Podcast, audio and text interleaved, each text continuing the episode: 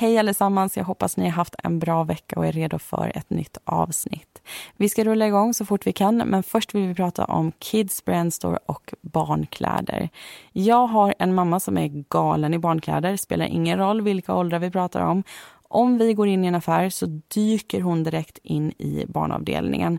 Och jag har förstått att det här är ganska så vanligt bland människor men jag har inte riktigt sett den här typen av beteende förrän min bror fick barn och då fick jag en, eh, en liten chock kan jag säga. Ja, jag har ju en eh, liten dotter så jag kan ärligt säga att jag känner igen mig i den där beskrivningen. Jag har nästan helt slutat handla kläder till mig själv och köper nästan bara till henne nu för tiden. Men jag tycker också att det är väldigt smidigt att handla på nätet och helt enkelt kunna passa på när man själv då har någon minut över i vardagen och klicka hem något istället för att trängas i en fysisk butik. Kids Brand Store, de har ett stort utbud av just barnkläder, inte för de allra minsta, men är man mellan 8 och 16 år så har man hittat rätt. Snabba leveranser är det som gäller och med Mordpodden som rabattkod får du 20 rabatt på ordinarie pris. Men nu ska vi lyssna på veckans fall.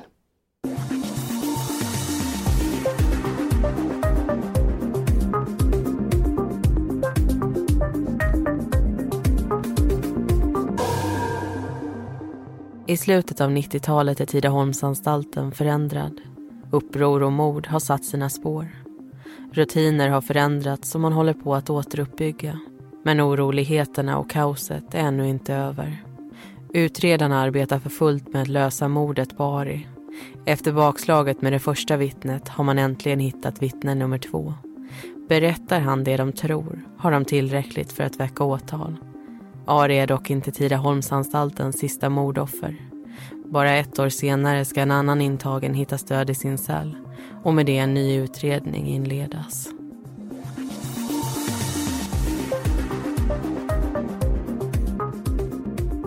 Du lyssnar på Mordpodden, en podcast om den mörka verkligheten. I veckans avsnitt ska du få höra berättelsen om Tidaholmsmorden del 2.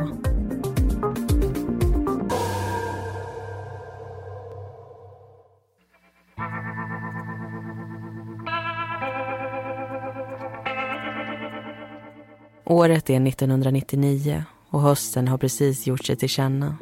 Det har nu gått mer än två år sedan Ari mördades på Tidaholmsanstaltens gym. Sen han blev nerstucken med flera knivhugg och ingen ville säga vad som hänt. Men trots tystnaden spred sig rykten. Det var så polisen fick upp ögonen för tre unga män. Daniel, Felix och Gabriel. Två år och två anhållanden senare är man säker på att det är de tre som berövat Ari livet. I ett bevisförråd finns tre vässade matsalsknivar med snören virade om skaftet. Samma typ av kniv som hittades i Felix cell några dagar innan mordet. Och på en av dem återfinns inte bara Aris blod, utan även Gabriels. Ett år senare klev ett vittne fram, Hamoud. Han bekräftade deras misstankar och man trodde att fallet skulle få sin lösning. Men så underkändes vittnesmålet. De misstänkta släpptes och Hamoud utvisades. Men nu, ett år senare, kommer chans nummer två och vittne nummer två. Hamoud Sven Ibo, som påstår sig ha sett precis allt. Ibo föds i Etiopien 1958 och kommer till Sverige som flykting 1989. Han får permanent uppehållstillstånd på grund av oroligheterna i hemlandet. Men istället för att integrera sig i samhället väljer han att stå utanför det och dess lagar. 1993 döms han för stöld och två år senare för en misshandel. Han får fängelse men är ute igen 1996. Våldet trappas då upp och nästa gång han sitter i en rättegångssal så är det som misstänkt för försök till dråp. Den här gången döms Ibo till fem års fängelse och utvisning. Och i början av 1997 placeras han på Tidaholmsanstalten. Han lär känna Hamoud och i augusti samma år blir de båda vittnen till mordet på Ari. När utredarna frågar Ibo vad som hänt tiger han som de flesta andra. Han försöker fokusera på annat, avtjäna sitt straff och gå vidare. Men minnena från mordet gör sig påminda flera gånger. På nätterna har Ibo mardrömmar och på dagarna dåligt samvete. Han vill berätta, men vågar inte. När polisen kommer till honom i oktober 1999 sitter han på Huddinge häkte. Hans straff är över och han väntar på utvisning. Men Ibo vill inte tillbaka till Etiopien. Han vill stanna. Han har skrivit ansökan efter ansökan om nåd. Berättat om sin diabetes och hur han i hemlandet ses som en regimmotståndare. Men svaren har varit samma. Nej. Och den här gången när polisen frågar vad Ibo vet så bryter han sin tystnad. Han har väntat på den här dagen och för varje ord som sägs känns det som att någonting tungt lättar från hans axlar. Tisdagen den 26 juni springer Ibo och Hamoud till Tidaholmsanstaltens gym. När dörrarna öppnas tar de trappan ner till det undre planet och passerar duschar och bastu för att gå in i det inre träningsrummet. Männen tränar styrka och det är en blandning av interner där från avdelning C och E. Ungefär tio minuter in i passet lämnar tre personer rummet. De är alla från avdelning E. Snart byts de ut mot Daniel, Felix och Gabriel. Männen står i dörröppningen och droppar vatten på golvet. De har precis kommit från duschen och Hamoud undrar vad de gör. De går därifrån och in i bastun. Men bara någon minut senare är de tillbaka och Daniel och Gabriel går i en rak linje mot Ari. De attackerar honom bakifrån och det är först nu Ibo ser knivarna. Gabriel hugger honom i nacken och Daniel honom i bröstet. Det går så snabbt att ingen hinner reagera. Ingen förutom Ari själv. Ari springer mot dörröppningen. När han kommer fram hoppar Felix ut och stöter en kniv i hans bröst. Hugget är så hårt att Felix faller baklänges när han ska dra ut kniven vilket ger Ari en chans att komma undan. Han springer mot vaktrummet och någon ser blodet och följer efter. Ari skriker inte, men Ibo hör honom säga att det gör ont. Ibo står en meter ifrån dörröppningen när allting händer. Och precis som alla andra i rummet är han chockad. Han förstår inte riktigt vad det är som har hänt förrän allt är över. Ibo försöker minnas alla detaljer.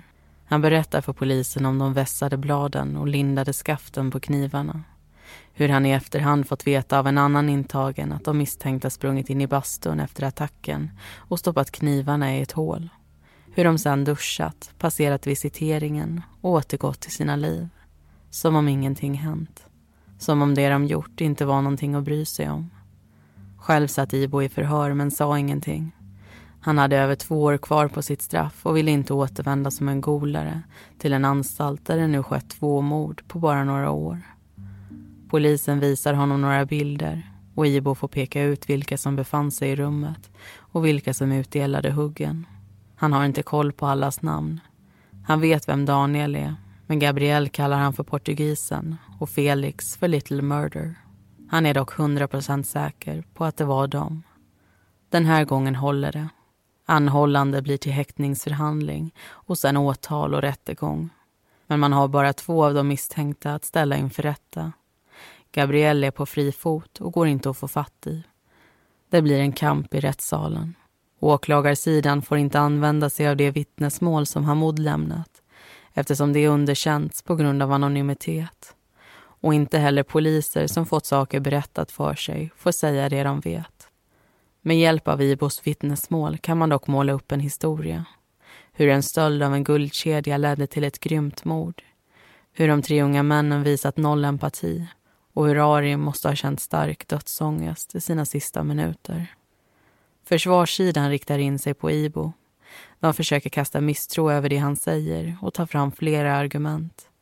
Ett av de starkaste är nådansökan. Under tiden som Ibo vittnade bad han polisen om hjälp med sin fjärde ansökan.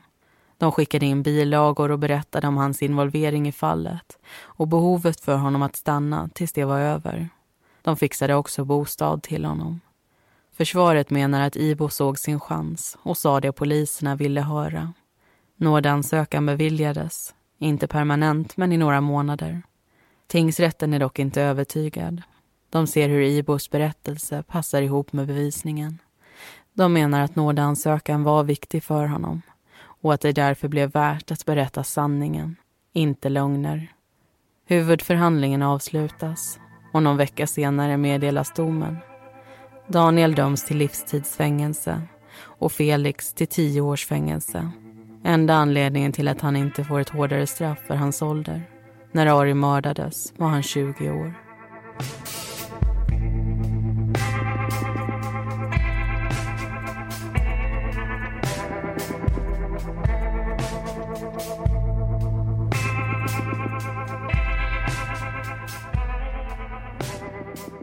Där avslutas alltså den första berättelsen om Aris mord. Men vi är inte klara med Tidaholmsanstalten än. Vi har ju täckt uppror och mordet på både Ari och Muajid.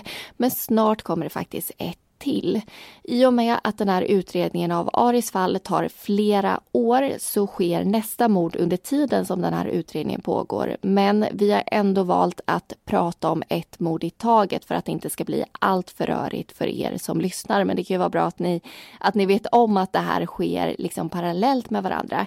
Men det blir så himla många personer att hålla reda på om vi inte skulle göra på det här viset. Så därför tog Say hello to a new era of mental health care. Cerebral is here to help you achieve your mental wellness goals with professional therapy and medication management support. 100% online. You'll experience the all new Cerebral Way, an innovative approach to mental wellness designed around you. You'll get a personalized treatment plan from a therapist, prescriber, or both in a safe and judgment free space. Your cerebral therapist or prescriber will outline a customized plan with clear milestones along the way so you can get to feeling your best. With Cerebral, you're not alone in your mental health journey. We're here to empower you to live a fulfilling life. So take that first step towards a brighter future and sign up today at cerebral.com slash podcast and use code ACasts to get 15% off your first month. Offer only valid on monthly plans. Other exclusions may apply. Offer ends July 31st, 2024. See site for details. vid det beslutet. Mm. Och en sak som vi också var inne och nosade lite på i just förra avsnittet, det var ju fängelsegäng hur flera av dem kom till just på 90-talet. Och nu tänkte jag faktiskt att vi ska prata lite om varför de bildades. För om det är en sak som mord och uppror har visat på så tycker jag att det är de här klyftorna mellan de som befinner sig på anstalt. Alltså vi har ju personal och vi har intagna och båda spenderar många timmar i fängelset men självklart på väldigt, väldigt olika sätt. Och vi har ju pratat om hur en stor del av fängelsestraff det är ju att de intagna tas ifrån så många beslut. Alltså det blir lite som att vara på förskola så man får anpassa sig till ett matschema, man får följa med på allting som man har planerat. Men det här är ju vuxna människor så det här beslutet är ju någonting som skaver lite att behöva anpassa sig till andras beslut hela tiden. Och varje anstalt har något som kallas för förtroenderåd och det finns till för att de intagna ska kunna göra sina röster hörda. Så man går ihop lite som i en bolagsstämma eller i en bostadsrättsförening och diskuterar olika frågor och beslut med varandra. Och sen för man då fram sina åsikter till ledningen på anstalten som man sitter på. Och det är ju viktigt att de här rösterna blir hörda som vi pratade om i förra avsnittet. För det här upproret 1994 eskalerade ju på grund av att man inte lyssnade på förtroenderådets tankar. Man vägrade prata med dem och förklarade inte heller varför man tagits till isoleringen. Och det var ju några av de sakerna som ledde fram till det här missnöjet som uppstod där. Och då kommer vi in på en av anledningarna till att just de här fängelsegängen föds. Alltså om man inte kan få folk att lyssna på det man säger, om den andras parti alltid väger tyngre på grund av det man gjort, alltså det man har i bagaget. Ja, alltså varför ens försöka? För de flesta laglydiga i vårt samhälle är ju polisen någonting bra. Åklagare och domare, det är människor som ser över vårt bästa intresse genom att sätta farliga människor i fängelset. Men om du istället begår brott, då är ju polisen alltså precis tvärtom. De kan ju vända upp och ner på ditt liv på ett ögonblick. De kan gå in i det hus där du bor tillsammans med din partner, med era barn. De kan gripa dig mitt framför dem och de kan vända upp och ner på allting i och med en husrannsakan exempelvis. Och åklagare och domare, det blir till rättshaverister som aldrig kommer döma fördelaktigt för dig eftersom majoriteten av dem aldrig kommer känna igen sig i ditt liv. Och fängelsegängen blir ju lite som en familj kan man säga. De består av människor som är väldigt olika i grund och botten men som ändå gått igenom väldigt liknande saker. Så de ser världen på samma sätt och lyssnar på varandra. Så istället för att mötas av avsky eller rädsla när man berättar vad man gjort så kanske man möts av acceptans och förståelse. Och det är något som de här personerna kanske inte fått uppleva förut. Och det är inte bara det att de accepteras för den de är utan de hyllas för det till och med. Och det leder till att de blir en medlem i en ny familj kan man säga. En familj som ställer upp i alla lägen så länge man är trogen. Så bråkar någon med medlem, vakter eller andra intagna, då håller gänget den här personen om ryggen. Men den här personen måste ju också göra detsamma tillbaka. Mm. Och när de intagna pratar om sina gäng så är det ju ofta positivt. De är ju en del utav det, så det är inte så konstigt att det är så. De säger att eh, de här gängen finns till för att hjälpa när samhället sviker. Det är liksom den officiella anledningen. Man pratar inte så mycket om vad man gör på anstalt i de här gängen utan snarare vad man gör utanför. Där syftet ofta beskrivs som att hjälpa dem ur missbruk och hjälpa dem ur kriminalitet, fixa med bostad, fixa med arbete och vara ett skyddsnät helt enkelt till varann. Men så ser inte polisen på det. De beskriver ofta fängelsegäng som våldsamma med en stark hierarki och också ofta hårda regler. Och man ska också komma ihåg att du blir inte medlem utan att bevisa vad du går för. Så det finns en hel del krav. Man ska alltid ställa upp för varann i alla lägen oavsett vilka gränser som passeras när man gör det. Så i vissa fall måste du kunna visa att du aldrig golat genom att plocka fram domar. Och i andra fall så måste du motarbeta anstaltens regler. Så det kan handla om att man inte lämnar urinprov även om det innebär att eh, man då hamnar i isolering. Och vissa gäng vill heller inte att du ingår i någon typ av behandlingsplan. Och det här tycker jag är lite konstigt för Fängelsegängen ser sig själva som en familj, människor som tar hand om varandra. Men här är det för mig väldigt tydligt att man motarbetar vad som är bäst för en person. Alltså individernas välmående offras för att just gynna gänget. Och allt det här fina som man säger i intervjuer om att hjälpa varandra ur kriminalitet, det blir en så tydlig lögn när man tittar närmare. Alltså det är ju det kriminella livet som glorifieras, det är det som hyllas. Medan de som tar sig ur det livet, de gör det oftast genom att lämna gängen bakom sig. Och det finns också riktig hjälp att få. I varje polisregion i Sverige så finns en avhopparverksamhet och en samordnare för det här.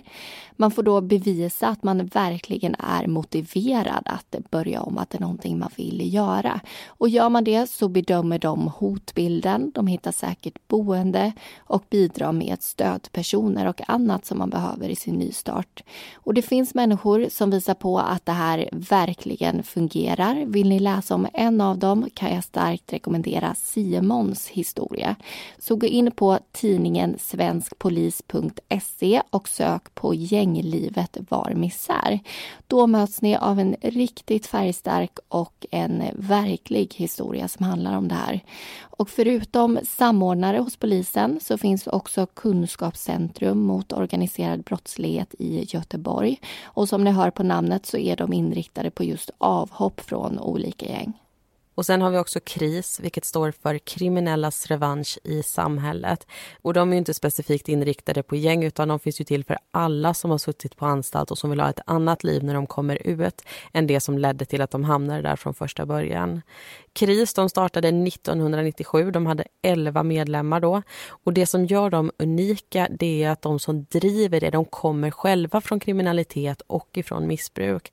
De vet att den som släpps ifrån ett fängelsestraff ofta går tillbaka till sina gamla polare, till ett nätverk fyllt av människor som kanske inte är människor som man borde umgås med längre. Så deras ambition är ju att vara nya polare och skapa ett nytt nätverk till de som kommer ut. Sådana som hjälper istället för skälper. Och kontaktar man dem, ber man dem om hjälp, då kan de möta upp en direkt utanför murarna när man släpps, vara ett stöd alltså från dag ett. Och det här har ju blivit en ganska lång diskussion, men jag hoppas att den också var intressant. Alldeles strax har det dock blivit dags att gå vidare och höra vad som händer på Tidaholmsanstalten 1998. Hej! Vill du höra mig och Amanda berätta om fler intressanta mordfall? Då tycker jag att du ska klicka in dig på podmi.com.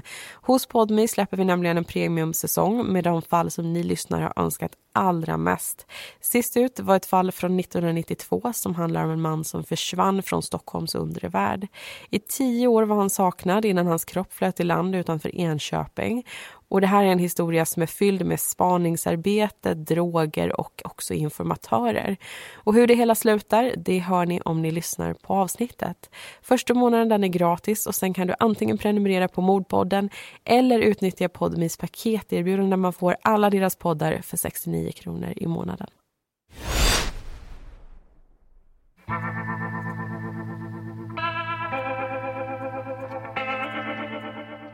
Avdelning C på Tidaholmsanstalten har en central roll i de våldsamheter som drabbar fängelset under 90-talet.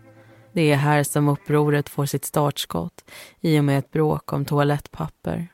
Och det är här Ari har sin cell när han mördas 1997. Utåt sett är det ingen skillnad på den och de tre andra normalavdelningarna. De består alla av två längor med celler och ett vaktbås mittemellan.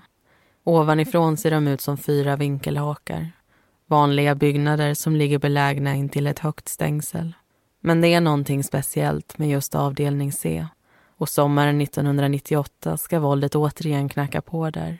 När cell 27 blir en mordplats. I december 1996 döms en 48-årig man för en rad vålds och narkotikabrott. Hans namn är Jan-Åke och han får tre och ett halvt års fängelse som påföljd. Hösten året därpå kommer han till Tidaholmsanstalten. Han får en uppsättning grundkläder, samma som alla andra och informeras om att tvättbyte sker varje torsdag. De kommande månaderna håller Jan-Åke mest till i sin cell. De andra intagna ser honom som en ensam varg. En lugn person som inte gör så mycket väsen av sig. Visst kan han skämta lite rått då och då, men det är alltid ömsesidigt. Jan-Åke är en av de få interner som slipper sysselsättningsplikten. Anledningen är att han har problem med sitt hjärta och behöver en operation. Han är trött allt som oftast och orkar bara lämna sängen för att äta, gå en liten promenad eller röka. Operationen bokas in och ska bli av i juni. Men så skjuts den upp och Jan-Åke får vänta lite till. Fyra gånger om dagen går han till medicinutlämningen och tar emot piller. Han är orolig Sjukdomstillståndet är inget att leka med och han vill bli bättre så snart som möjligt. På förmiddagen den 30 juni lägger kriminalvårdaren Gun märke till hur sliten Jan-Åke ser ut. Hon brukar stanna och prata med honom och även kolla till honom lite extra på eftermiddagen. Men idag är ett undantag. Gun ska spendera dagen tillsammans med en av semestervikarierna introducera dem i arbetet och visa hur en vanlig dag på anstalt kan se ut. Eftermiddagen kommer och går utan att hon har tid att besöka Jan-Åke. När jobbdagen börjar lida mot sitt slut slänger hon ett öga på medicinlistan. Den lista som visar vem som hämtat Normally, being a little extra might be a bit much, but not when it comes to healthcare. That's why United Healthcare's Health Protector Guard fixed indemnity insurance plans, underwritten by Golden Rule Insurance Company, supplement your primary plan so you manage out of pocket costs. Learn more at uh1.com. Ryan Reynolds here from Mint Mobile. With the price of just about everything going up during inflation, we thought we'd bring our prices down. So to help us, we brought in a reverse auctioneer, which is apparently a thing. Mint Mobile unlimited premium wireless. Ready to get 30, 30, bit to get 30, bit to get 20, 20, 20, bit to get 20, 20, bit to get 15, 15, 15, 15 just 15 bucks a month. So, Give it a try at mintmobile.com/switch. slash $45 up front for 3 months plus taxes and fees. Promo for new customers for limited time. Unlimited more than 40 gigabytes per month slows. Full terms at mintmobile.com. ut sin medicin under dagen. Jan-Åkes namn står inte med på utlämningen vid klockan fyra. Gun tycker att det är konstigt. Den 48-åriga mannen är oftast så regelbunden att man kan ställa klockan efter honom. Hon bestämmer sig för att gå bort till hans cell och se hur han mår. Gun kliver in på avdelningen och går fram till cell nummer 27. Dörren är stängd och det är mörkt där inne. Hon trycker ner handtaget och öppnar. Jan-Åke ligger alldeles stilla i sängen. På sig har han ett överkast. Guns första tanke är att hans hjärta har stannat. Men så tar hon tag i överkastet och börjar lyfta bort det. Sängen är full av blod. Gun förstår vad som måste ha hänt och agerar snabbt. Hon kliver ut ifrån cellen och låser noggrant efter sig. Sen kontaktar hon ambulans och vaktchef. Internerna på avdelning C blir inlåsta i sina celler för natten och man kallar in personalförstärkning. Alf har jobbat fram till fyra den dagen. Men när klockan är nio ber de honom komma tillbaka. De intagna på avdelning C måste flyttas. Personalen går in i varje persons cell. Den intagna får plocka av sig sina kläder och lägga i en säck som försluts. Sen gör man en kroppsvisitering, skriver ner eventuella sår och skador. Nya kläder räcks därefter fram och en efter en försvinner internerna ut genom dörren. Vissa agerar nonchalant. De verkar inte bry sig om anledningen till flytten. Men andra, som 24-åriga Olli, frågar vad det är som har hänt. Men det är inte dags för svar ännu. Först måste utredarna komma och Jan-Åkes kropp forslas bort. När avdelningen är tom låser man dörrarna och inväntar polisen. När nyheten väl läggs fram, att Jan-Åke är död, mördad, möts polisen av förvåning och chock. Både personalen och de intagna berättar hur lugnt det varit den senaste tiden. En av kriminalvårdarna säger att det brukar vara som vibrationer i luften när någonting är på gång. En känsla som vittnar om stormen i slutet av lugnet. Men den här gången kändes inget sånt. Det var bara väldigt, väldigt lugnt. De intagna tycker att Jan-Åke är det udda i ekvationen. De förstår inte vem som skulle vilja döda en person som gjorde så lite väsen av sig. Och inte heller varför. Två dagar senare utförs en obduktion. Fynden som görs skrivs ner i ett protokoll och skickas vidare till utredarna. Genom det kan man läsa att Jan-Åke har två större skador. Dels ett knivhugg som gått rakt in i hans redan skadade hjärta. Det är dödsorsaken. Men också ett hugg i huvudet, bakom hans ena öra. Det är 8 till 9 centimeter djupt och har tagit i ryggraden. Kvar i det såret sitter också mordvapnet. En vässad bordskniv. På Jan-Åkes underarmar syns avvärjningsskador. Tecken på att han kämpat för sitt liv. Kniven och de blodiga kläderna läggs åt sidan som bevisning. På Jan-Åkes tröja har någon avsatt ett blodigt handavtryck. Man tar ett prov och skickar blodet till SKL för analys. Avtrycket slussas vidare till tekniska roten i väntan på något eller någon att jämföra med. Cell 27 och avdelning C gås igenom med stor noggrannhet. I Jan-Åkes säng finns det blod, men de mest intressanta fynden gör man i garderoben. Där ligger tröja, jacka och byxor som SKL senare kommer bevisa har blod och någon annans DNA på sig. Intill tvättstället finns också en brunvit handduk med rödbruna fläckar. Säckarna med de intagnas kläder öppnas upp. Istället för att skicka allting till SKL testar man vilka som kan tänkas ha blod på sig och vilka som inte har det. I sju säckar ges möjliga utslag och snart kommer man igenom ytterligare sju celler. Vattenlås töms och man ber om salivprov. Det är frivilligt och vissa går med på det, men andra vägrar. Listan av misstänkta är egentligen inte så lång som man skulle kunna tro. Alla på avdelning C är inte med på den och det beror på tidpunkten när mordet begicks. Efter samtal med kriminalvårdare vet man att Jan-Åke hämtade ut sin medicin klockan 11 men missade medicinutlämningen vid klockan fyra. Hans mord borde därmed ha skett däremellan. När rättsläkaren vägt in får man veta att koncentrationen av medicinen var hög när Jan-Åke dog. Och troligtvis så skedde det någon timme efter intaget. Man jobbar utifrån teorin att Jan-Åke mördades mellan klockan ett och fyra. En tid då de allra flesta var på jobb och i skola. Kvar är sju namn. Två av dem ska snart ge upphov till misstankar.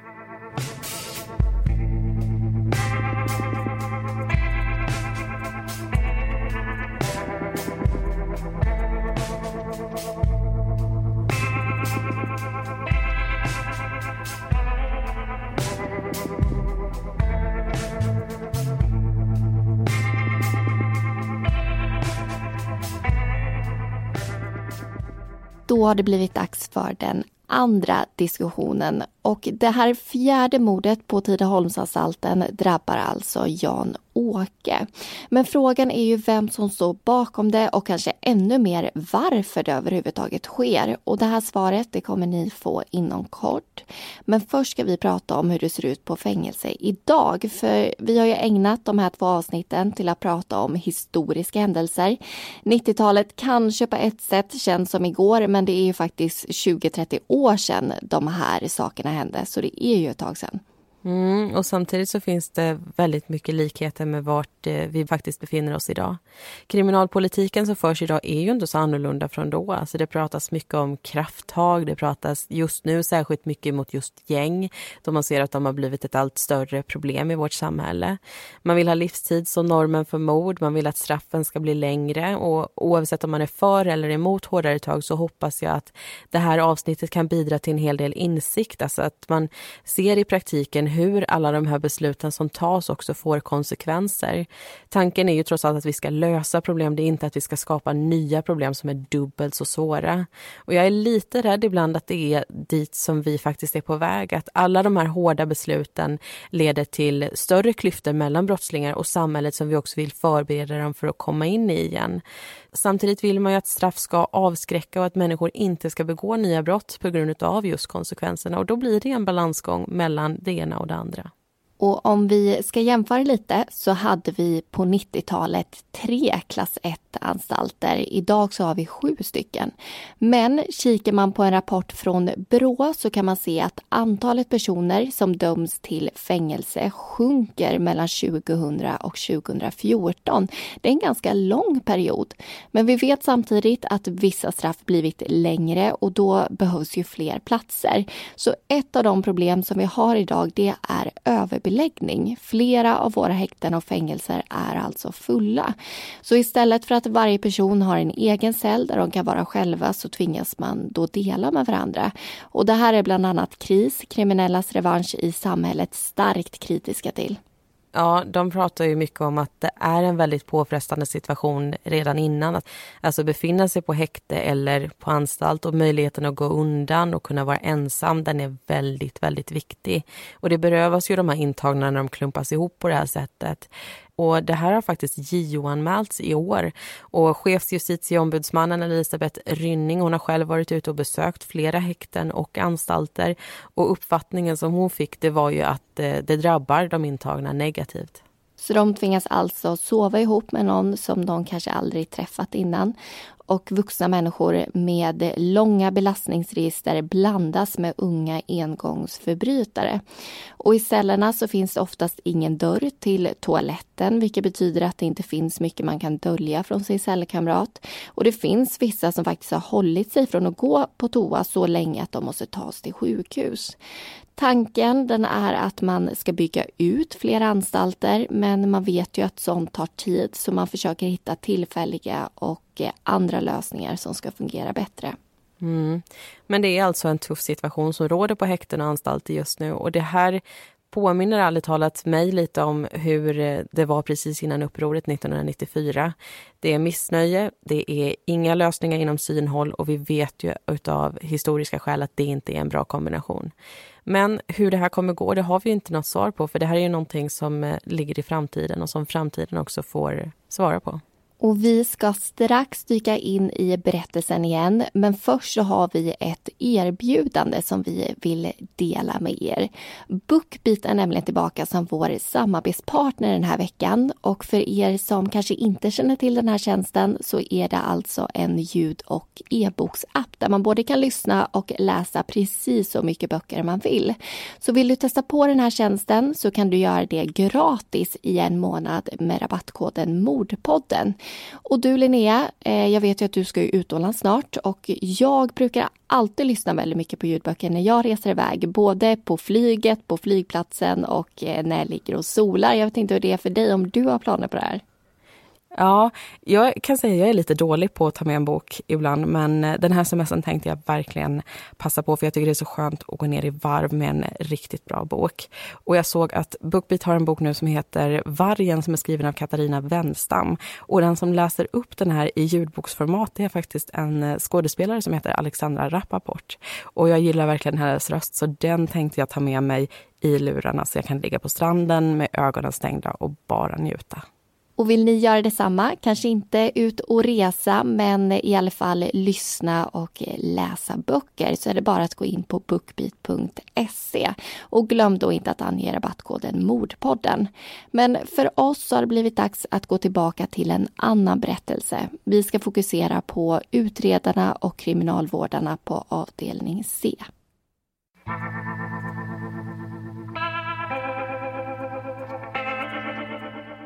Efter mordet på avdelningen är stämningen bland intagna och personal låg. Trygghet känns som ett främmande koncept. Någonting svårnått man inte riktigt kan greppa. På fem år har anstalten varit med om ett uppror och fyra mord. Vissa har upplevt allt. Andra kommit och gått mellan händelser. Och varje sak har lämnat spår efter sig. Det sitter i väggarna nu. Våldet, skriken, blodet och orättvisan. Det har också lämnat avtryck hos de levande. De som sett eller hört vad som hänt. De som varit där. Vissa har formats av beslutsamhet. De känner att det är nog nu. Våldet måste få ett slut och Jan-Åkes mördare ställas inför rätta. Kriminalvårdare ser och hör saker poliser inte kan. Och efter mordet är de extra vaksamma. Det är så utredningen får sin första misstänkte. Både Gun och Alf lägger märke till hur en av de intagna, Stellan, förändras. Han slutar prata med Gun och börjar undvika henne när hon kommer till avdelningen. Alf har hela tiden sett Stellan som valpig och nojig. Han kunde springa runt på avdelningen och störa de andra. Men nu blir han kaxigare och mer hotfull. Det börjar viskas om att han är ansvarig för mordet på Jan-Åke. Av en intagen får Alf höra att Jan-Åke dragit ett finger över Stellans rygg och att Stellan sagt åt honom att la han inte av så skulle han slå ihjäl honom. Det är dock så jargongen på fängelset går. Men så tar Stellan till isoleringen och ett märke dyker upp på dörren till hans cell. Horridas. Namnet på ett fängelsegäng Stellan är en del av. Snart börjar han gå runt med en t-shirt med Horridas logga. Och sen ser Alf en bricka runt hans hals. På den står det en procent. Någonting Alf vet brukar betyda att man är fullvärdig medlem i ett gäng. Att Stellan tagit ett steg uppåt i hierarkin strax efter mordet på Jan-Åke känns lägligt. Han är dessutom en av de intagna vars tvättsäck innehållit någonting som skulle kunna vara blod. Men när Stellan flyttas från avdelningen hör Alf en annan intagen säga någonting som han lägger på minnet. Han har inget med mordet att göra, det vet jag. Orden kommer från 24-åriga Olli. Frågan är hur han vet att det han säger är sant. Olli arbetar som extra städare. Han diskar, hämtar mat i köket och fixar med vardagliga saker på avdelningen. Det är hans jobb att vara kvar där när andra är i skola och verkstad.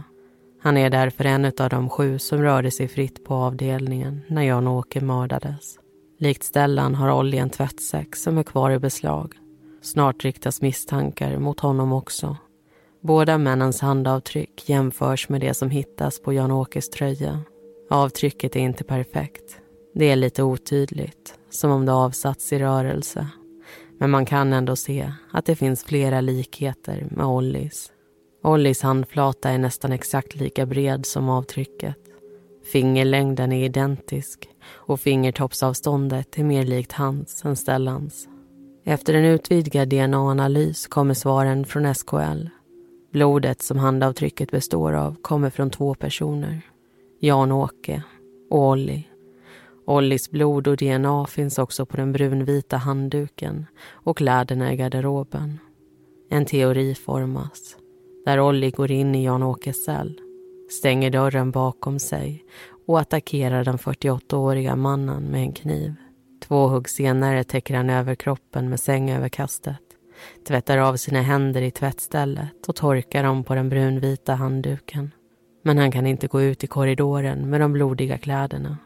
Därför öppnar han Jan-Åkes garderob, plockar på sig hans extra kläder och lämnar kvar sina egna. Misstankarna är tillräckliga för att Olli ensam ska bli utredningens huvudmisstänkta. Han konfronteras med bevisningen och får ge sin egen förklaring till var del. Olli säger att han har varit inne i Jan-Åkes cell någon gång tidigare. Men inte den 30 juni. Då jobbade han som vanligt. Vid frukosten såg han Jan-Åke i köket. Sen försvann han och de flesta andra iväg till sina jobb eller celler. Själv fortsatte Olli med sina uppgifter. Innan lunch var han i köket och hämtade mat. Det började bli varmt och när han var tillbaka på avdelningen la han ifrån sig sin jacka för att ställa sig och diska. När han var klar var jackan borta. Kanske var det Jan-Åke som tog den. Olli förklarar också att han ofta har småsår på sina händer på grund av diskandet. Han torkar sig regelbundet på de handdukar som finns i köket och ibland tar de intagna med sig dem till sina celler. Vad gäller byxorna i Jan-Åkes garderob så undrar Olli om han kan ha fått dem från tvätten och att Ollis DNA satt kvar. Det enda han inte har någon förklaring till är det blodiga handavtrycket. Det kan inte vara hans. Alf förklarar för polisen att det finns två sorters handdukar på anstalten. De i linne och de i frotté. Handduken i cellen var frotté och de i köket är alltid linne. Trots Ollis nekande spinner man vidare på teorin att han är gärningspersonen. Och i förhör med Gun hittar man snart en tråd som ska leda till motivet. Gun berättar om den 19 juni. Hon och Jan-Åke stod på trappan utanför avdelningen och pratade den dagen. De kom in på en skjutning som skett dagen innan där brödraskapet Wolfpacks president mist livet. Jan-Åke tyckte att det var bra. Han gjorde en gest med fingret och sa nu har han tagit död på ytterligare en av de där jävlarna. Bara en bit därifrån står 24-åriga Olli. Förolämpningen hade troligtvis inte påverkat honom om det inte vore för en sak. Olli är hangaround i brödraskapet och bredvid honom stod en fullvärdig medlem. Bland Ollis tillhörigheter hittar man ett stort antal brev. De bekräftar hans koppling till fängelsegänget. Någonting Olli själv också är öppen med. Det står också ett par intressanta saker där i. En av brevväxlarna skriver till Olli att brödraskapet är den starkaste familj han kan få. Att de backar varandra ända in i helvetet. Men för att komma dit behöver Olli bli fullvärdig medlem. Och då måste han själv göra samma sak. I ett annat brev står det att de hoppas Olli vet vad han ska göra om någon snackar skit. Och i ett sista brev pratas det om hur vargar som de måste känna lukten och smaken av blod med jämna mellanrum. Att de bestämmer över liv och död. Så är det bara. Olli behövde bevisa sig för att komma upp i rang och Jan-Åkes kommentar gav honom just den chansen. Utredningen får luta sig på den tekniska bevisningen för några vittnen till mordet kliver aldrig fram. Bevisningen är dock stark och med omständigheterna känner man att man har tillräckligt på fötterna för att väcka åtal. Stämningsansökan går igenom och man får tid och plats för huvudförhandling.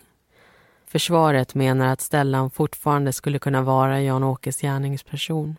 För medan han tagit ett kliv upp i hierarkin efter mordet så är Olli fortfarande en hangaround. DNA pekar inte ut en gärningsperson utan endast någon som har varit i kontakt med de kläderna. Och det finns en chans att Ollis kläder stulits och lagts i garderoben för att leda polisen till honom istället för den riktiga gärningspersonen. Tingsrätten menar att teorin har värde. Det skulle kunna ha varit så. Men de noggranna tekniska undersökningarna borde i så fall ha hittat en tredje persons DNA på de kläderna. Och det gör de inte. Tingsrätten väljer att gå på åklagarens linje. De är säkra på att Olli är Jan-Åkes mördare. Olli är redan dömd för grova våldsbrott och mordet klassas som grymt och brutalt. Den 24-åriga mannen gav sig på en hjärtsjuk man som låg och vilade i sin säng. Och den enda passande påföljden är livstidsfängelse. Ett beslut som står fast även i hovrätten Mordet på Jan-Åke var det sista i 90-talets våldsvåg på Tidaholmsanstalten. Efter det lugnade det ner sig. Säkerheten har alltid varit viktig, men de kommande åren blir det A och O. Missnöje över politiska beslut är inget kriminalvårdarna kan lösa. Men idag arbetar man mer förebyggande för att det missnöjet inte ska eskalera i våldsamma konflikter. Bråk går inte att undvika. Inte när man tar människor med olika personligheter och bakgrund och tvingar dem att leva tätt inpå varandra i flera år. Men man kan minska det. I Skaraborgs läns tidning berättar en chef i säkerhetsgruppen hur man arbetar på anstalten idag. Hur relationen mellan personal och intern är någonting man värderar högt. Det ska finnas förtroende och trygghet. Saker som bidrar till öppna samtal.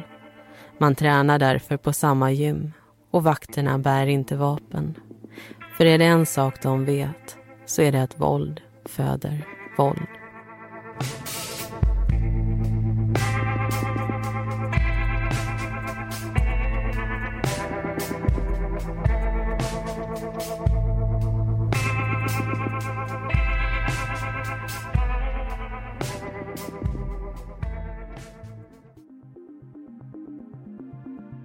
Tack för att du har lyssnat på Tidaholmsmorden del 2.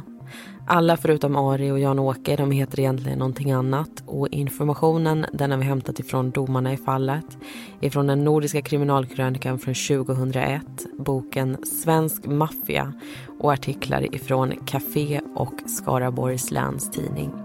Nästa vecka är vi tillbaka igen med ett nytt fall.